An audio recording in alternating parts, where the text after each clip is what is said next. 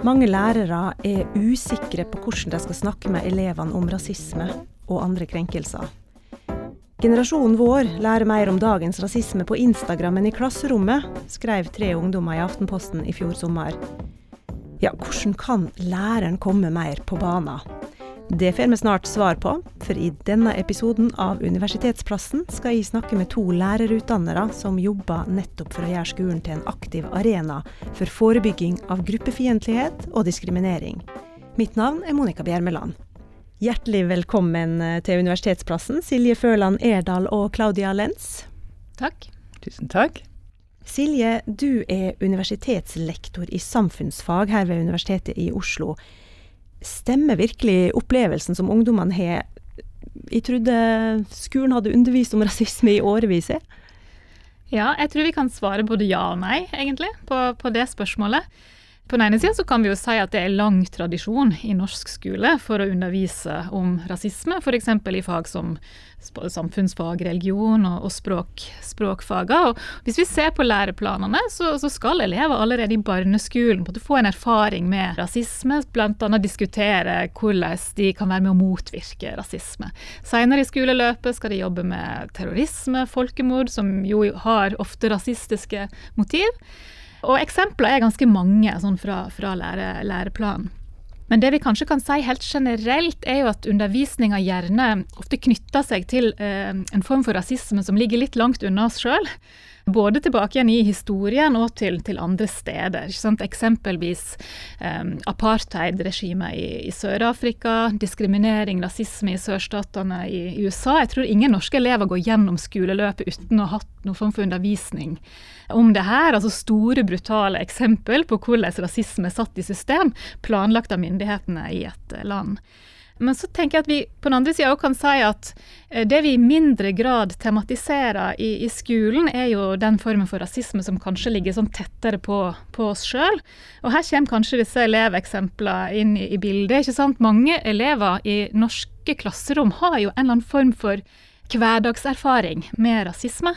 Og det er nok denne formen som, eh, som vi kanskje trenger noen flere strategier på å liksom, integrere i undervisninga i, eh, i, skolen. Mm.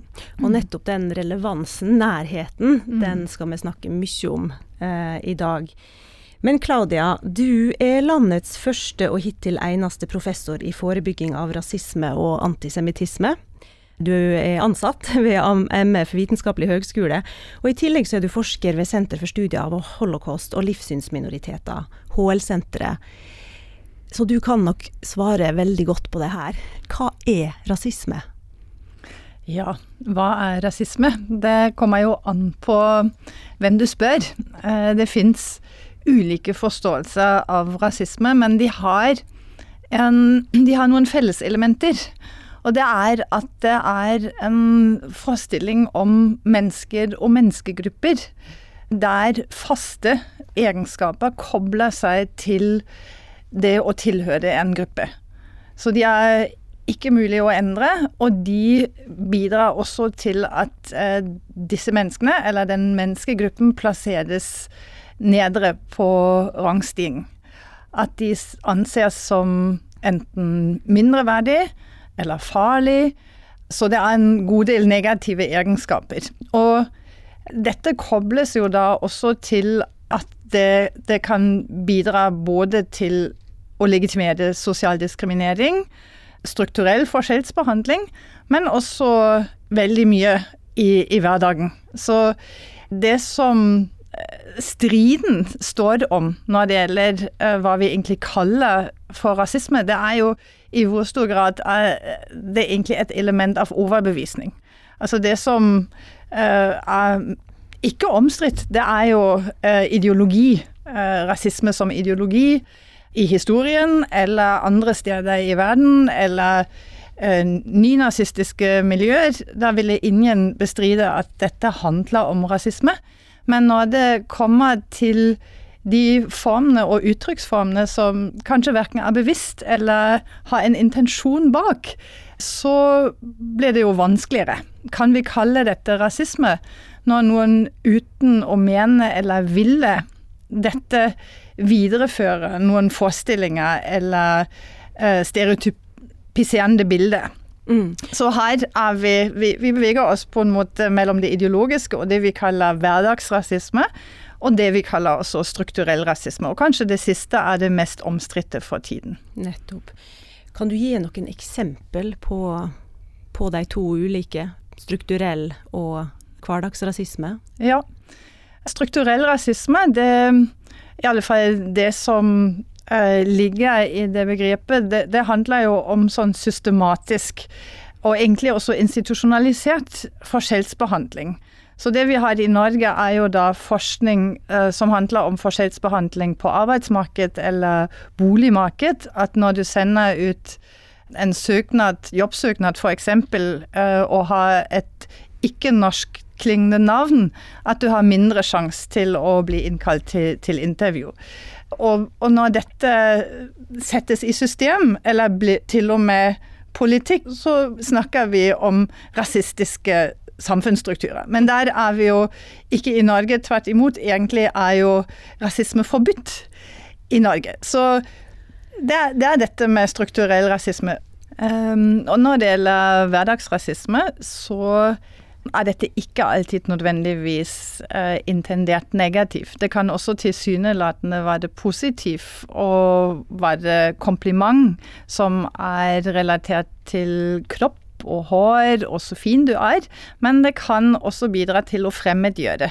Um, en forestilling om å være eksotisk og det bidrar til, til, en plassering som annerledes og ikke helt tilhørig.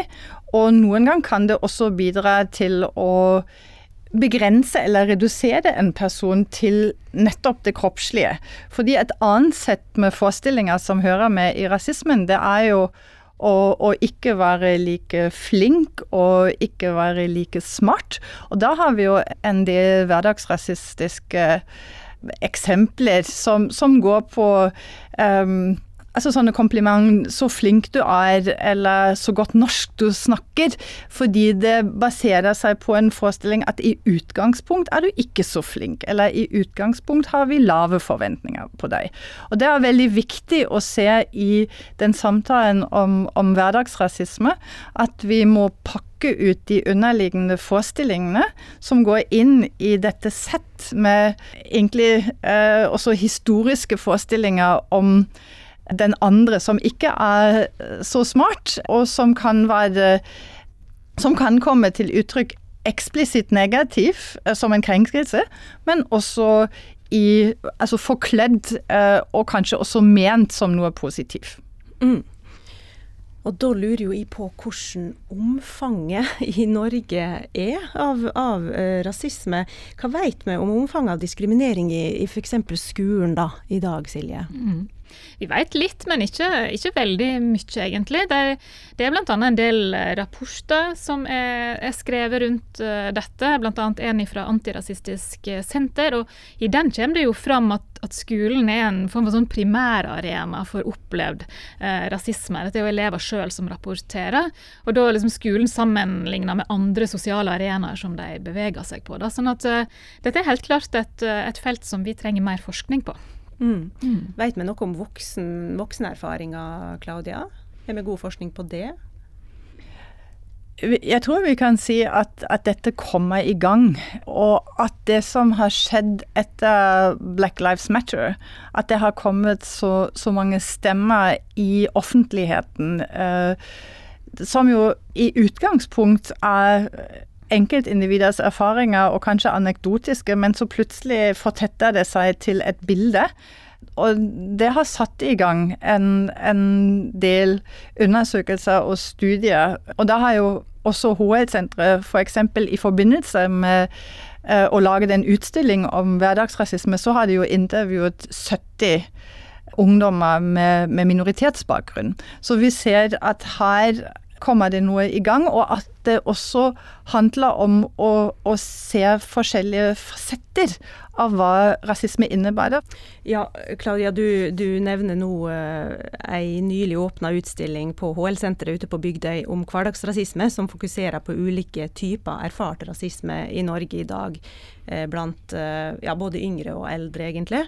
Både hudfarge, religiøs tilknytning, etnisitet og funksjonsevne blir tematisert her. Men hvordan kan sånne erfaringsfortellinger hjelpe oss, uh, hjelpe oss da, med å forstå og, og, snakke om diskriminering og rasisme?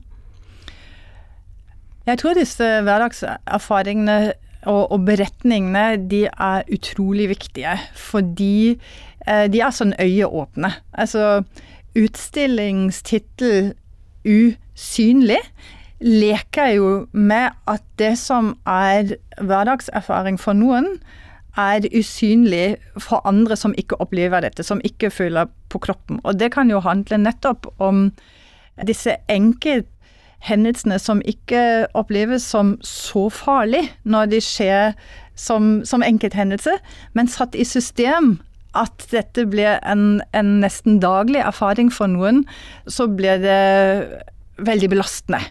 Der tror jeg at disse erfaringene, de viser hvor, um, hvor mange nyanser dette har. Og at dette faktisk er et helt spekter fra grove krenkelser og trakassering, uh, fysisk vold, til som sagt sånne uskyldige spørsmål. Som i sin helhet skaper en opplevelse hos den enkelte og både blir presset ned, men også hele tiden blir definert som ikke tilhørig, som den andre. Og, og det er den dobbeltheten som, som, jeg tenker vi får øye på. Det andre som er viktig med, med utstilling, er jo at den setter disse ting i en kontekst. Altså det, den enkelte opplevelsen for et sånt bakteppe. Hvor kommer dette egentlig fra? Og det er ikke minst også inn i historien. Altså disse forestillingene og bildene, at uh, de har levd et langt liv uh, fra kolonitiden og, og delvis lengre enn det. Og de, har, de, er ganske dypt forankret i også den norske hverdagskulturen. Mm. Og jeg tror det er en veldig viktig innsikt som vi får fra denne utstilling. Ja, Silje, du nikka veldig her du sitter. og Vi snakka jo litt tidligere om at elevene blir jo møtt nettopp med disse her eh, fjerne, historiske, store, grove hendelsene. Mm. Men eh, hva er verdien med å ta med elevene eh, til en sånn utstilling, eller ta sånne hverdagserfaringer inn i klasserommet? Nei, men Det er klart for å måte, forstå kompleksiteten, tror jeg, i, i rasismebegrepet eh, og alle disse nyansene som, som fins i det. Og jeg tror elevene trenger begge deler. Sant? De trenger å kjenne til de historiske hendelsene, de store, brutale politiske overgrepene. Og de trenger å kjenne til disse uh, hverdagserfaringene. Og dette må vi på et eller annet vis greie å konkretisere i undervisninga vår. ikke sant? Altså vise at rasismen har ulike former, har ulike grader. Bruke konkrete kategorier. Sant? Vi kan snakke om den statsstyrte rasismen, der det er en del av politikken eh, i et land. Eh, og vi kan snakke om rasisme i form av at det er utført av personer eller mm, grupper Sant? Det har vi jo mange eksempel på uh, i Norge. Sant? Drapet på Benjamin Hermansen 22.07 terroren. ikke sant? Og så har vi denne, også denne hverdagsrasismen, som kanskje er den som er mest krevende å undervise om ofte, ikke sant? fordi at det kommer så tett på elevenes egen livsverden. ikke sant? Eh, og da blir vi fort usikre som, som lærere. Hvordan skal vi eh, organisere dette, hvilke begrep skal jeg bruke, osv. Og, så og da er jo sånne utstillinger som dette gull verst, tror jeg, for, eh, for lærere og elever, fordi at det gir et språk, det gir en ramme som lærerne kan ta med seg videre inn i klasserommet ikke sant, etter at de har vært der. Mm. Claudia?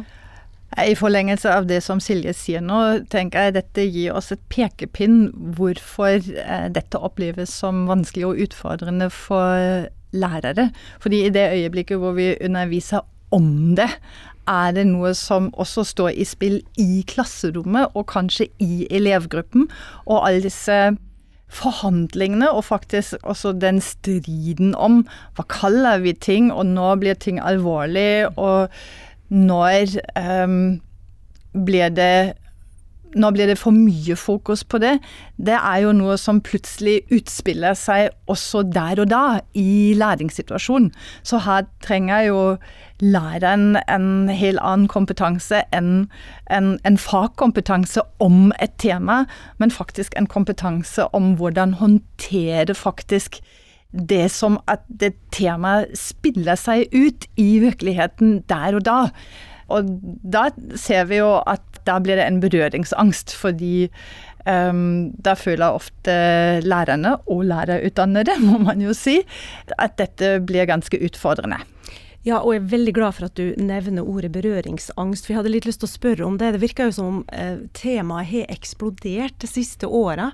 Altså, det er ikke lenger siden 2015 eh, at FN kritiserte Norge for å ikke ville ta i ordet rasisme, mens i dag så er vi jo på en helt annen plass. Eh, ja, hvordan, hvordan opplever lærerstudenter studentene det her? Har de berøringsangst? Er de trygge på tematikken, så, sånn du opplever det, Silje?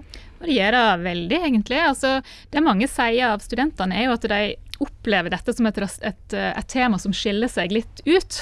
Eh, både fordi at det er et tema veldig mange av de er interessert i, og ønsker å utvikle god undervisning eh, rundt. Sant? De ønsker både ja, å, å, undervise rundt historien, eh, de brutale overgrepene osv., men også dette med hverdagsrasisme, og opptatt av å prøve å finne en balanse mellom, eh, mellom dem.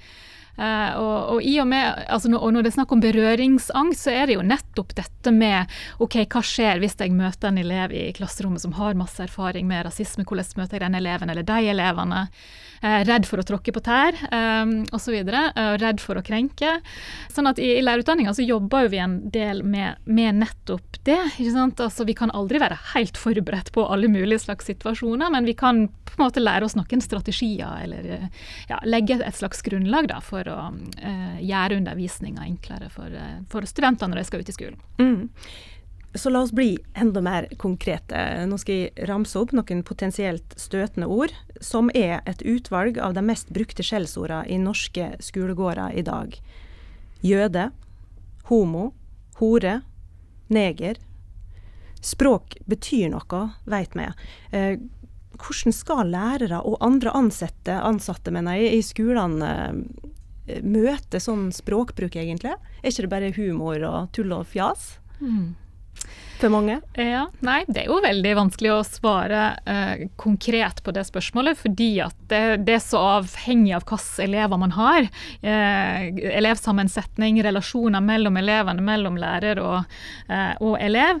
Men vi kan jobbe med noen strategier likevel, ikke sant, som man på en måte kan ta med seg i, i verktøykassa si. Og det vi ofte snakker om um, med studenter på lærerutdanninga her på UiO, er jo det at vi nulltoleranse for den type ting. Uh, det å slå uh, liksom handa i bordet og si at dette aksepterer seg i mitt klasserom, fungerer dårlig. Det fungerer også dårlig å på en måte prøve å overse eller feie under teppet. ikke sant, Så hva, hvor, hvor skal vi da legge oss hen, på en måte? Så altså dette handler jo om relasjonskompetanse. Sant? Det å ha et godt læringsmiljø, det å se alle elever. Sant? Vi skal ivareta både den eleven som sier noe krenkende, og vi skal ivareta elevene som blir krenka. Og det er en utrolig krevende oppgave. Sant? Men um, en strategi kan være å på en måte møte uh, det hatefulle utsagnet med noen oppfølgingsspørsmål. på en måte Være litt nysgjerrig. Hvorfor er dette viktig for deg? Hvorfor må du bruke akkurat det ordet? Prøve å få eleven til å svare ut noe mer.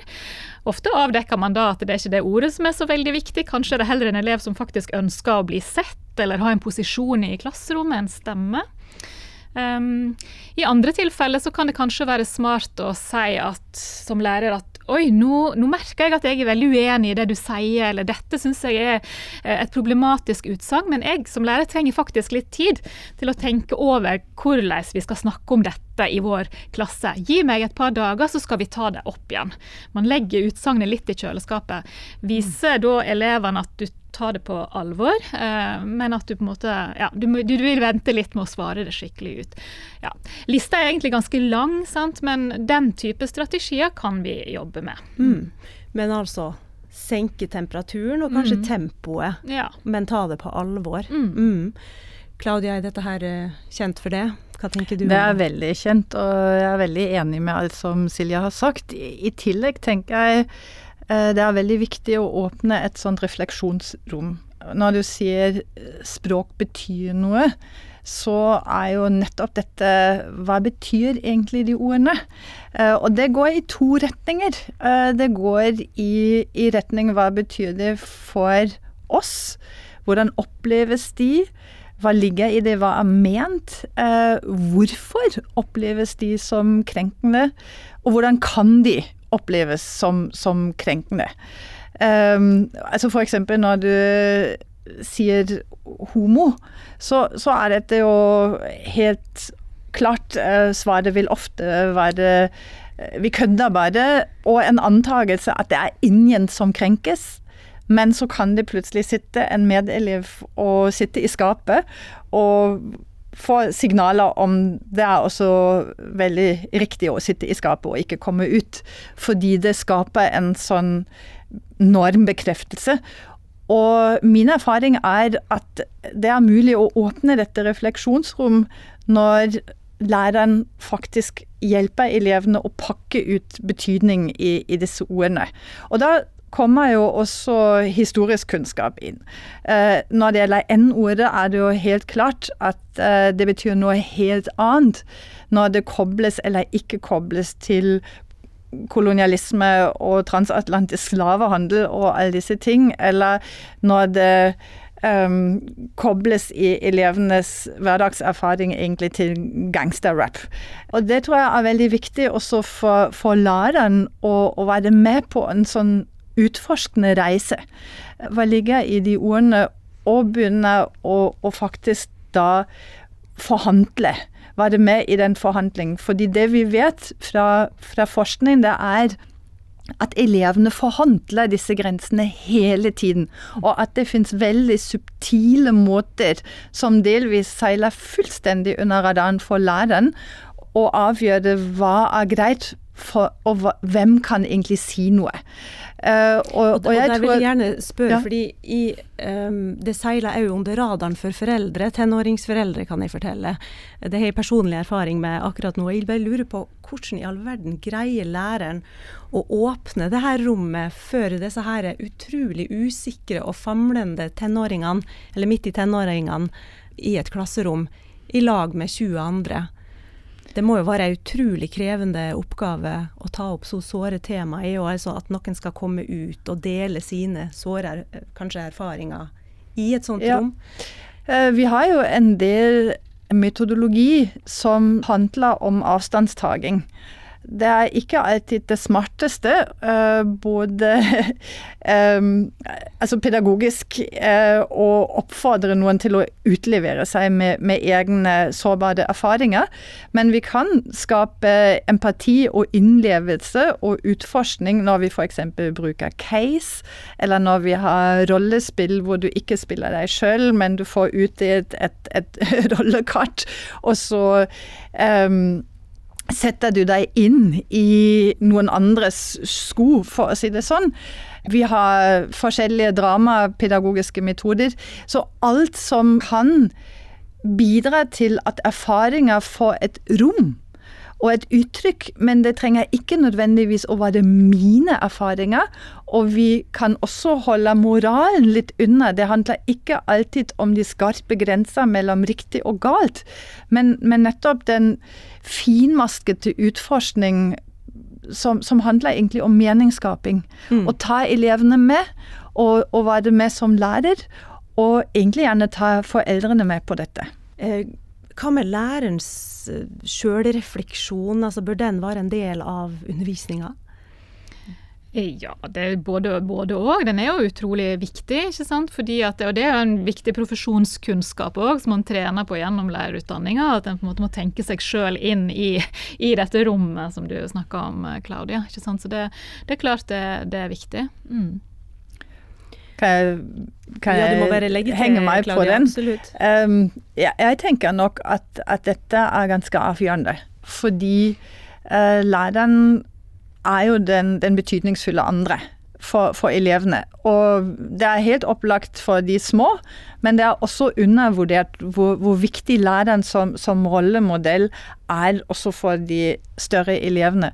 Og hvis læreren ikke er bevisst over hvordan hun eller han bidrar inn i dynamikker som gjør at noen opplever å være mindre verdt, mindre verdsatt, eh, mindre akseptert eller utenfor, så kan læreren være faglig eh, så flink som hun vil. Mm. Eh, så blir det en, en, en, dårlig dynamikk. Så jeg tror dette er et element som vi i lærerutdanning må legge veldig stor vekt på.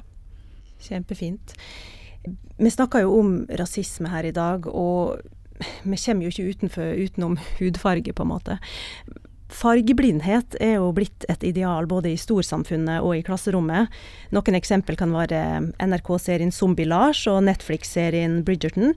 Hva kan problemet med idealet være? Altså, er det lurt å hoppe bukk over folk sine fordommer? Mm. Nei, altså det er jo litt sånn I Norge så har vi jo lang tradisjon for å snakke om eh, etnisitet, men i mye mindre grad så snakker vi om uh, hudfarge. Uh, ikke sant? Og, og dette uh, Og når det på en måte blir et sånt ikke-begrep i i samfunnet så står vi jo liksom òg i fare for å overse eh, en del eh, mekanismer som, som, bidrar til forskjellsbehandling, diskriminering og, eh, og rasisme. For dette er jo sånt, en, en sånn fargeblindhet er jo en tenkning som ja, insisterer nettopp på at hudfarge ikke betyr noe for hvem vi er eller hvordan vi, vi posisjonerer oss. ikke sant? Og, men det står jo ofte i eh, kontrast til veldig mange menneskers opplevelse av at jo, min hudfarge, min klesdrakt, betyr faktisk noe for min posisjon, og ikke minst for hvordan andre ser på meg og plasserer meg i, i et hierarki, gjerne. ikke sant? Sånn at fargeblindhet er jo i, i utgangspunktet positivt meint. Man har en, en god intensjon bak man ønsker bare å se barn eller ungdom, man ønsker ikke å se farger. Men så medfører det også noen, eh, noen utfordringer. Så gode intensjoner kan mm. jo òg slå uh, mot seg sjøl, egentlig, eller virke mot uh, si hensikt. Nettopp. Mm. Men ja, hvis vi da vender blikket ut forbi skolegården og skal gi et par tips til alle oss som har med ungdommer å gjøre, hvordan kan vi bidra til å øke mangfoldskompetansen i samfunnet? Å bidra med å øke mangfoldskompetansen. Kritisk mangfoldskompetanse, kanskje. Altså det, det, som er viktig, er først og fremst å innse at eh, det er en virkelighet der ute i samfunnet som også påvirker oss i skolen. Vi er ikke en øy. Og de idealene f.eks. om fargeblindhet, eh, at hudfarge ikke skal spille noen rolle, de kan og skal vi kanskje ha, men det er veldig viktig å være bevisst og observant hvordan disse mekanismene utspiller seg på et institusjonsnivå i, i, skolens hverdag og i mitt klasserom og i de sosiale dynamikkene. Og så tror jeg i forlengelse av dette, det er veldig viktig å ikke bli redd at man kan tråkke feil. For det skulle bare mangle hvis dette er en, en del av en lang samfunns... Altså av eh, egentlig et, et kulturarv, nesten. At vi ikke skulle sitte med disse fordommene og blindsonene sjøl. Så skolen kan, kan, egentlig bidra til å bearbeide og være en del av de endringsprosessene. Mm. Og da skjer det at man tråkker feil. Og da blir dette et utgangspunkt til, til læring og samhandling uh, og, og anerkjenne hverandres virkelighetsoppfatninger. Mm. Et viktig råd òg til foreldre, er du ikke enig Silje? Jo, absolutt. Dette henger jo sammen. ikke sant? Altså, dette er jo ungdommer som vi får inn, gjerne inn gjennom våre egne dører innimellom. ikke sant? Det er venner til våre barn osv. Og, og, og derfor så trenger vi denne type kompetanse som Claudia er inne på. ikke sant? Dette med å på en måte tenke en litt sånn ja, en sånn brei eh, tilnærming til, til, mangfold. ikke sant? Og at man tenker på det som, som, noe mer enn kun kultur og etnisitet. Selv om det er gjerne der rasismen oppstår inn mot, mot de kategoriene. Men at en på en måte tenker at mangfold er mer enn det. Alle kommer med sine variasjoner, sin, sine bakgrunnsfortellinger. ikke sant? Vær litt sånn åpne for, for det. Eh, og så tror jeg òg dette med å liksom starte litt sånn med seg sjøl og tenke hvem er jeg, hva, hva, er min posisjon i, i, samfunnet, hva er det som gir meg makt og privilegier, eventuelt ikke gir meg denne type makt, og hva er årsakene til det? Hva er mine fordommer, og hva kan jeg eventuelt gjøre for å endre dem? Eh, hva type kunnskap kan jeg eh, innhente. Og, så og så tror jeg liksom det å være, være del, ta inn samfunnsdebatten, hva er det som rører seg der ute, bli inspirert av f.eks. Mm. disse mange nye stemmene som kommer fram nå, sant? disse hverdagsfortellingene. For jeg tror at spesielt de kan bidra til å liksom utvide litt eh, eh, perspektivene våre, da, og, og, forstå mer sånn den kompleksiteten i, i det mangfoldige samfunnet. Mm. Kjempegode råd. Og så kan vi jo slenge på at uh, folk må gjerne ta en tur til Bygdøy og se rasismeutstillinga 'Usynlig' uh, der. Den står vel i et års tid til, har jeg forstått? Minst. Tusen takk for praten, Silje Føland Erdal fra Institutt for lærerutdanning og skoleforskning, og Claudia Lenz fra MF vitenskapelig høgskole og HL-senteret. Du har hørt en episode av Universitetsplassen, en podkastserie fra Universitetet i Oslo. Søk oss opp der du lytter til podkast, og send oss gjerne kommentarer eller spørsmål via e-post på podkast-universitetsplassen at uio.no. Produsent var som vanlig Yvonne Petrem, og tekniker i dag var Shane Colvin. Jeg heter Monica Bjermeland og takker for følget.